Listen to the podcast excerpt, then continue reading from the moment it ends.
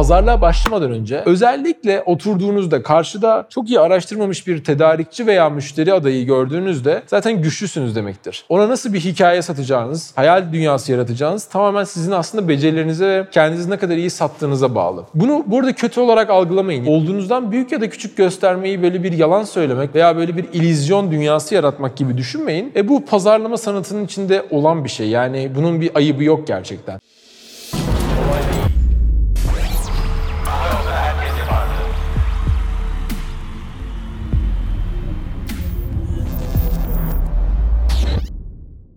Herkese merhaba. Kolay Değil'e hoş geldiniz. Ben Mustafa Namoğlu. Bir Kolay Değil bölümüyle daha karşınızdayım. Öncelikle çok teşekkürler. Birçok soru soruyorsunuz. Biz biliyorsunuz kanalı kurduğumuzda oldukça çok bölüm yayınlıyorduk. Her gün bir bölüm yayınlıyorduk ve hep konuşulan konu işte çekecek bölüm bulabilir miyizdi. Ben ilk günden beri şeyi söylüyordum yani hakikaten hiçbir zaman bölüm bulmadı sorun yaşamayacağımızı. Nitekim öyle oldu. Yaklaşık 50'ye yakın 60'a yakın konu var listemizde. Ee, işte hangi konuyu da öncelikli yapsak başlasak diye düşünüyoruz ve açıkçası hiçbirinizi de kırmak istemiyoruz. O tarafta bizi e, onurlandırıyorsunuz. Bize bir şeyi sormayı bize layık görüp yani hani bizi o, böyle bir pozisyona koyup e, bizim cevaplarımızı önemsediğiniz için bizzatihi ve aynı zamanda ekibim adına size çok teşekkür ederim. Bu çok değerli bir şey bizim için ve e, burada bizim için de aslında bir böyle daha çok okumak, daha çok araştırmak e, ve sizlere daha kaliteli içerik üretmek adına bizi de heyecanlandıran bir durum oluyor. Öncelikle bir de şunu söyleyeyim son olarak. E, arkadaşlar biz hiçbir konuyla ilgili herhangi bir araştırma ya da bir şeyleri okuyalım, dinleyelim de size böyle bir anda bilmediğimiz, hakim olmadığımız bir konu hakkında konuşalım şeklinde bir modumuz yok. Bunu zaten çok iyi biliyorsunuz yani bizi bu tür diğer insanlar, danışmanlar, kaynaklardan ayırdığınıza eminim. Gerçekten spontan bir şekilde örneğin bugün biraz pazarlık, pazarlığın sırları ile ilgili konuları konuşacağız ki yine sizlerden gelen bir soru. Ee, tamamen gerçekten tecrübelerimiz ve bildiğimiz kadar, dilimizin döndüğü kadar anlatmaya çalışıyoruz. Bu anlattığımız şeyler kendimize not olsun şeklinde konular. Yani böyle bunlar da %100 doğrudur, tek kural budur, bunu yapmazsanız bitersiniz, yaparsanız çok başarılı olursunuz gibi bir e, kesinlikle algımız yok. Ya da size böyle bir şey de kesinlikle taahhüt etmiyoruz ama e, genelde ben hani işe yaramış taktikleri kendi tecrübelerimizden anlatarak sizlere vakit kazandırmak istiyorum. Ki kanalımızın en önemli konularından bir tanesi, yapmak istediğim şeylerden en önemli şeylerden bir tanesi gerçekten bizim yaşadıklarımız tecrübelerden, bizim yaşadığımız sorunlardan e, size önden bilgilendirerek benzer şeyleri, hataları yapmamanızı sağlamak. Bununla beraber çok kısa konumuza gelelim. E, şöyle bir soru geldi. Pazarlığın sınırları, taktikleri, ölçüleri nelerdir? Kiminle pazarlık yapılır, kiminle yapılmaz? Veya pazarlığa açık olan olmanın markanın imajı açısından sonuçları nelerdir gibi soruların cevabını içeren bir video da bekliyoruz demiş sevgili izleyicimiz. Bununla ilgili birazcık bahsedelim.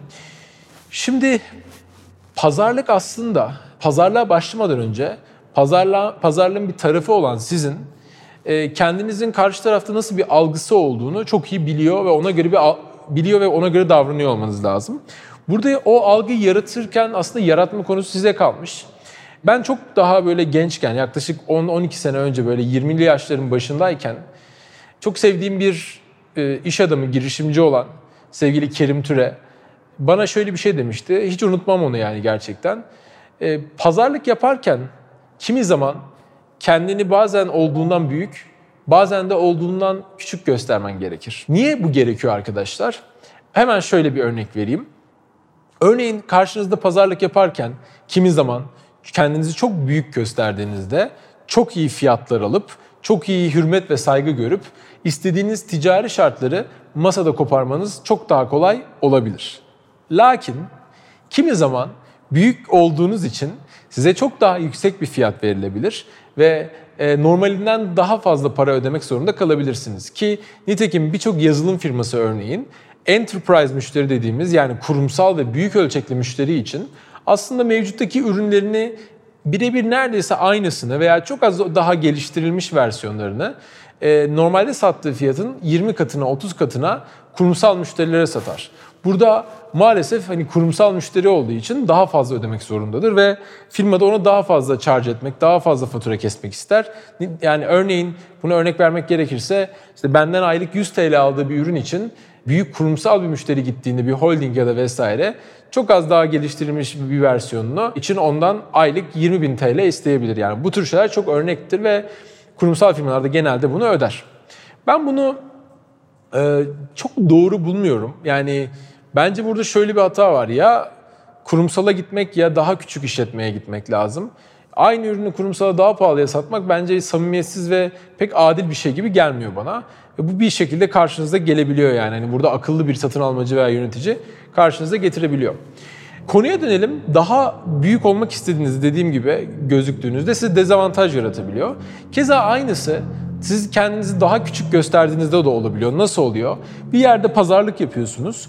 Karşı tarafa işte kimi zaman işte ya biz yeni bir firmayız, küçük bir firmayız işte dediğiniz zaman burada kimi zaman hiç masaya bile oturayım, oturamayabilirsiniz veya ciddiye bile alınmayabilirsiniz. Karşı taraf size e, yani bununla da uğraşmayayım buradan ne para gelecek gibi de görebilir.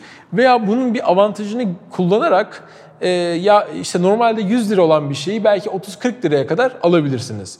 Yani burada en önemli konulardan bir tanesi pazarlık aşamasında gittiğiniz tarafta bir şey alacaksanız veya bir şey satacaksanız muhakkak e, kendinizi e, doğru şekilde konumlama, konumlamalısınız. Mesela küçükseniz bir şey satarken de avantajlı olabilirsiniz. Şu şekilde e, bir büyük bir yere bir ürün satacaksınızdır, bir hizmet vereceksinizdir ve mesela normalinden daha fazla para charge edebilirsiniz. Nasıl? Diyebilirsiniz ki yani bak ben X firması kadar büyük olsam benim belirli bir ölçekte olduğum için maliyetlerim düşük olacağı için fiyatım daha uygun olabilirdi. Ama ben küçüğüm ve şu an maalesef daha yüksek fiyat vermek zorundayım gibi bahanelerle e, veya işte söylemlerle aslında karşınızdakini ikna edebilirsiniz. Burada öncelikli olarak pazarlıkta masada alıyorsanız veya satıyorsanız küçük ya da büyük durmaya karar vermeniz gerekiyor. Şimdi şöyle bir soru gelebilir. E abi işte illa kendimizi olduğundan büyük mü göstermemiz veya küçük mü göstermemiz gerekebilir?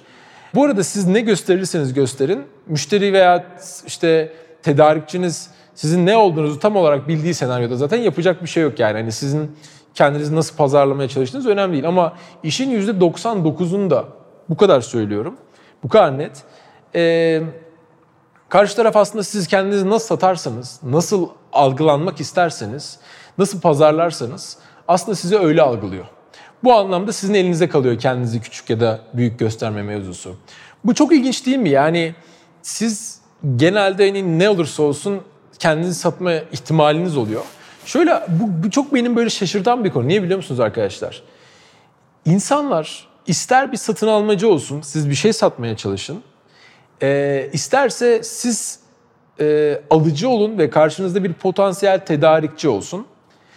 E, insanlar çok az araştırma yapıyor, ön araştırma.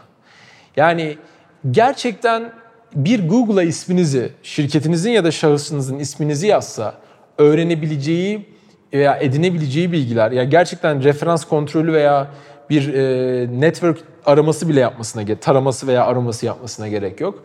Sadece Google yazsa sizinle ilgili öğrenebileceği şeyleri öğrenmeden masaya oturuyor çoğu zaman. O yüzden çoğu zaman inanın e, eliniz güçlü. Özellikle oturduğunuzda karşıda çok iyi araştırmamış bir tedarikçi veya müşteri adayı gördüğünüzde zaten güçlüsünüz demektir. Ona nasıl bir hikaye satacağınız, hayal dünyası yaratacağınız tamamen sizin aslında becerilerinize ve kendinizi ne kadar iyi sattığınıza bağlı. Bunu burada kötü olarak algılamayın. Yani olduğunuzdan büyük ya da küçük göstermeyi böyle bir yalan söylemek veya veya böyle bir ilizyon dünyası yaratmak gibi düşünmeyin. E bu pazarlama sanatının içinde olan bir şey. Yani bunun bir ay- ayıbı yok gerçekten. Ha yani siz bu arada ki bu aslında bizim o hani fake it until you make it olayına da birazcık değinen bir şey. İyi kötü yanları var tartışılır ayrı konu ama bu gerçekten hani böyle şey bir şey değil. Ayıp bir şey değil. Yoksa çok basit bir mantık var. Küçük olan her zaman küçük kalır, büyük olan her zaman daha büyür ve bu düzen hep böyle gider. Ama küçüklerin o büyük büyüme aşamasında yapması gereken böyle ufak tefek trikler muhakkak oluyor. Şimdi soruya geri dönersek bu konuyu anlattığımız tarafta mesela kimlerle pazarlık yapılır, kimlerle yapılmaz işte ölçüleri nelerdir gibi bir konu var. Pazarlıkla ilgili bilmeniz gereken şey şu. Özellikle güçlü bir firma, sahibi, firma sahibiseniz veya orada çalışan bir pozisyondaysanız ve satın almadaysanız pazarlığı çok yapmak, karşınızdakini ezmek, bastırmak çok böyle matrah ve böyle müthiş güzel bir şey değil. Belki siz çok mutlu oluyorsunuz. Belki siz başarılı olduğunuzu hissediyorsunuz ama aslında iyi pazarlık sizin tedarikçinizi koruduğunuz, onun büyümesine vesile olduğunuz, birlikte de büyüyebileceğiniz, sizin de para kazandığınız win-win senaryosudur. Doğru pazarlık budur arkadaşlar. Doğru pazarlık sizin sonuna kadar, sonsuz bir şekilde dibine kadar bastırıp karşıyı para kazandırmayacak ve illallah edecek duruma getirecek kadar yaptığınız pazarlık değildir. Bunu neden söylüyorum? Aslında fazla pazarlık, gereksiz pazarlık, karşı tarafı gereksiz yere sömürdüğünüz her türlü ticari şart size gün sonunda dezavantaj olarak dönecektir. Tam olarak bindiğin dalı kesmek, kendi ayağını sıkmak demektir. Çünkü siz o tedarikçinizle büyüyeceğinizi unutursanız ileride bir gün işleri tam iyi bir noktaya getirdiğinizi zannettiğiniz senaryoda o tedarikçinin batması ve sizin aslında tekrardan bir yeni tedarikçi arayışına girmek zorunluluğunuzun olduğunu fark edersiniz. Bu çok acı bir şey. Bunu mesela e, birçok otomotiv firması, birçok e, büyük firma yapıyor. Özellikle tekstilde de söyleyeyim. Birçok büyük perakendeci çok küçük atölyeleri ve e, üreticileri çok zor duruma düşürüyor. Ve onlar gün sonunda batıyor, iflas ediyor ve üretemiyor hale geliyor ve kendini bir anda çok zor durumda da buluyorlar.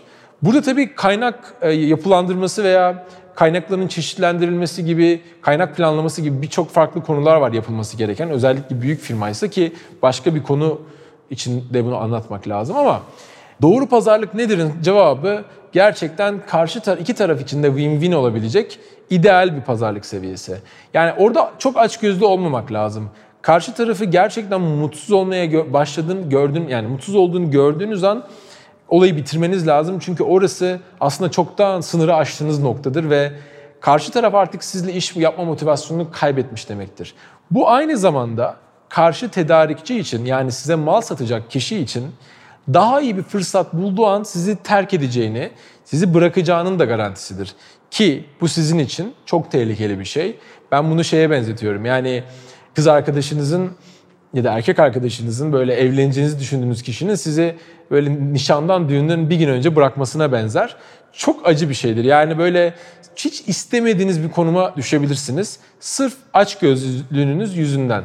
O yüzden gerçekten tedarikçi ve müşteri ilişkilerinin bu bağlamda değerlendirilmesi lazım. Ee, bu konuyla ilgili işte mesela pazarlığa açık olmanın markanın imajı açısından sonuçları nelerdir gibi bir konu var.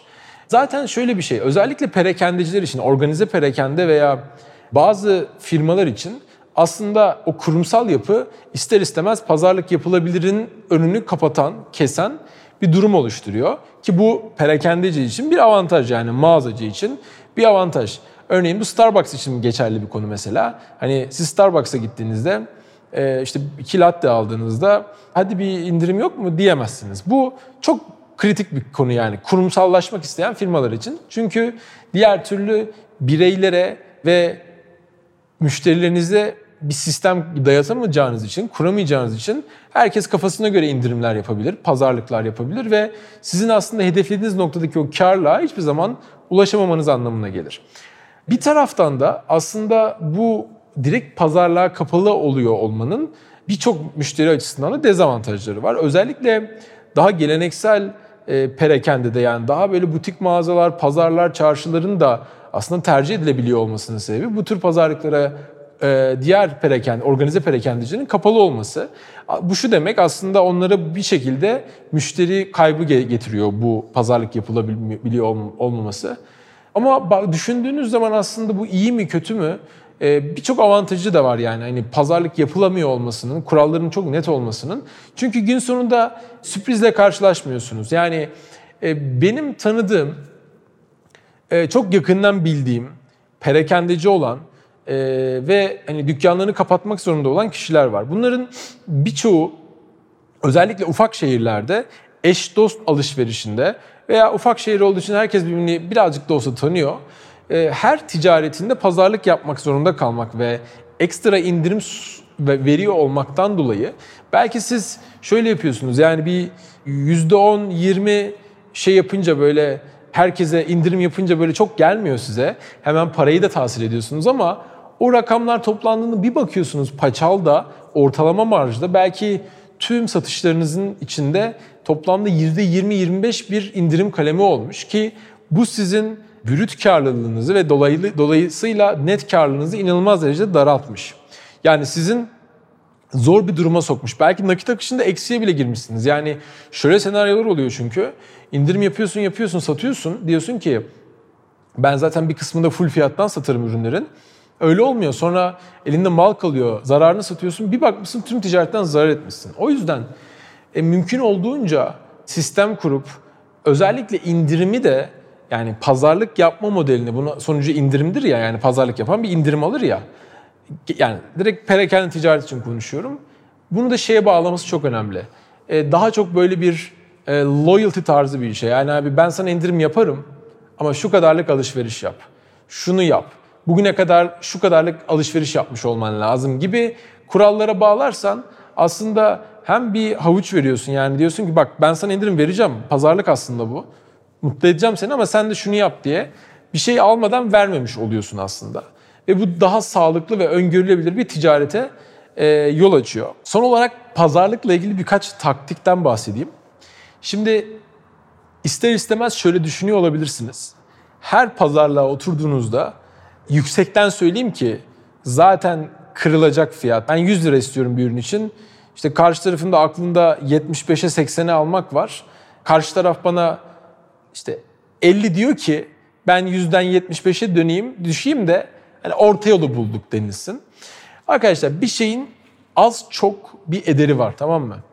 O yüzden bence en akıllı pazarlıklar böyle indirimi çok yüksek tutmak değil de makul bir indirim oranını sektörden ürüne göre değişir. Yani örneğin ben mazot, petrol bir şey alıyorsam %3'tür indirim, 5'tir maksimum. Çok iyi oranken işte ben bir toptan tekstil alıyorsam perakende satış fiyatından %50'dir, 60'tır belki. Yani hani birçok indirim oranı olabilir yani pazarlıkla ilgili. Bence en iyi pazarlıklar aslında birçok insanın öngöremediği diğer kalemlerden tasarruflarınızdır. Mesela bu ödeme vadesidir ki orada işte paranın maliyetini iyi bilen insanlar buradan tasarruf eder. Yan işte konulardır yani hani işte lojistik kargo gibi konuları kim karşılayacak gibi şeylerdir ki topladığınızda aslında belki yıl sonunda o maliyetler %3'tür, 4'tür, 2'dir. Yani aslında sen %3 ek indirim alıyorsun karşı taraf kargoyu karşıladığında. O yüzden çünkü genelde karşıdaki satışçı da eğer kendini bir merci, bir merceğe, bir üst tarafa, yöneticiye kanıtlamak istiyorsa bak işte yüzde sadece 15 indirim yaparak kurtardım hikayeyi demek adına oraları orada kalır ama size diğer yerden birçok favor yani iyilik yapabilir. O yüzden mesela burada bence uygulayacağınız taktikler böyle ekstra sizi güvence altına alabilecek veya işte ödeme şartlarıyla ilgili veya işte iş modeliyle ilgili bazı kanallar veya size ekstra ciro getirecek exclusive yani sadece sizin satacağınız ürünleri almak gibi aslında birçok insanın aklına gelmeyecek veya birçok insanın düşünmeyeceği yerlerden pazarlık yapmak çok kritik bir şey. Çünkü bunu çoğu insan kovalamıyor. Veya aslında bir diğer konuda sizin karşı taraftan belki ekstra onların diğer departmanlarından pazarlama bütçesi almanız gibi konular size hiç öngörülmeyen ekstra indirimler olarak dönüyor olacak. Bu tarafa odaklanmakta fayda var. Bizi dinlediğiniz için çok teşekkürler. Umarım faydalı olabilmişizdir. Birçok şey anlattık. Biraz da uzun bir video oldu aslında. Yorumlarınızı bekliyoruz. Bir sonraki bölümde görüşmek üzere.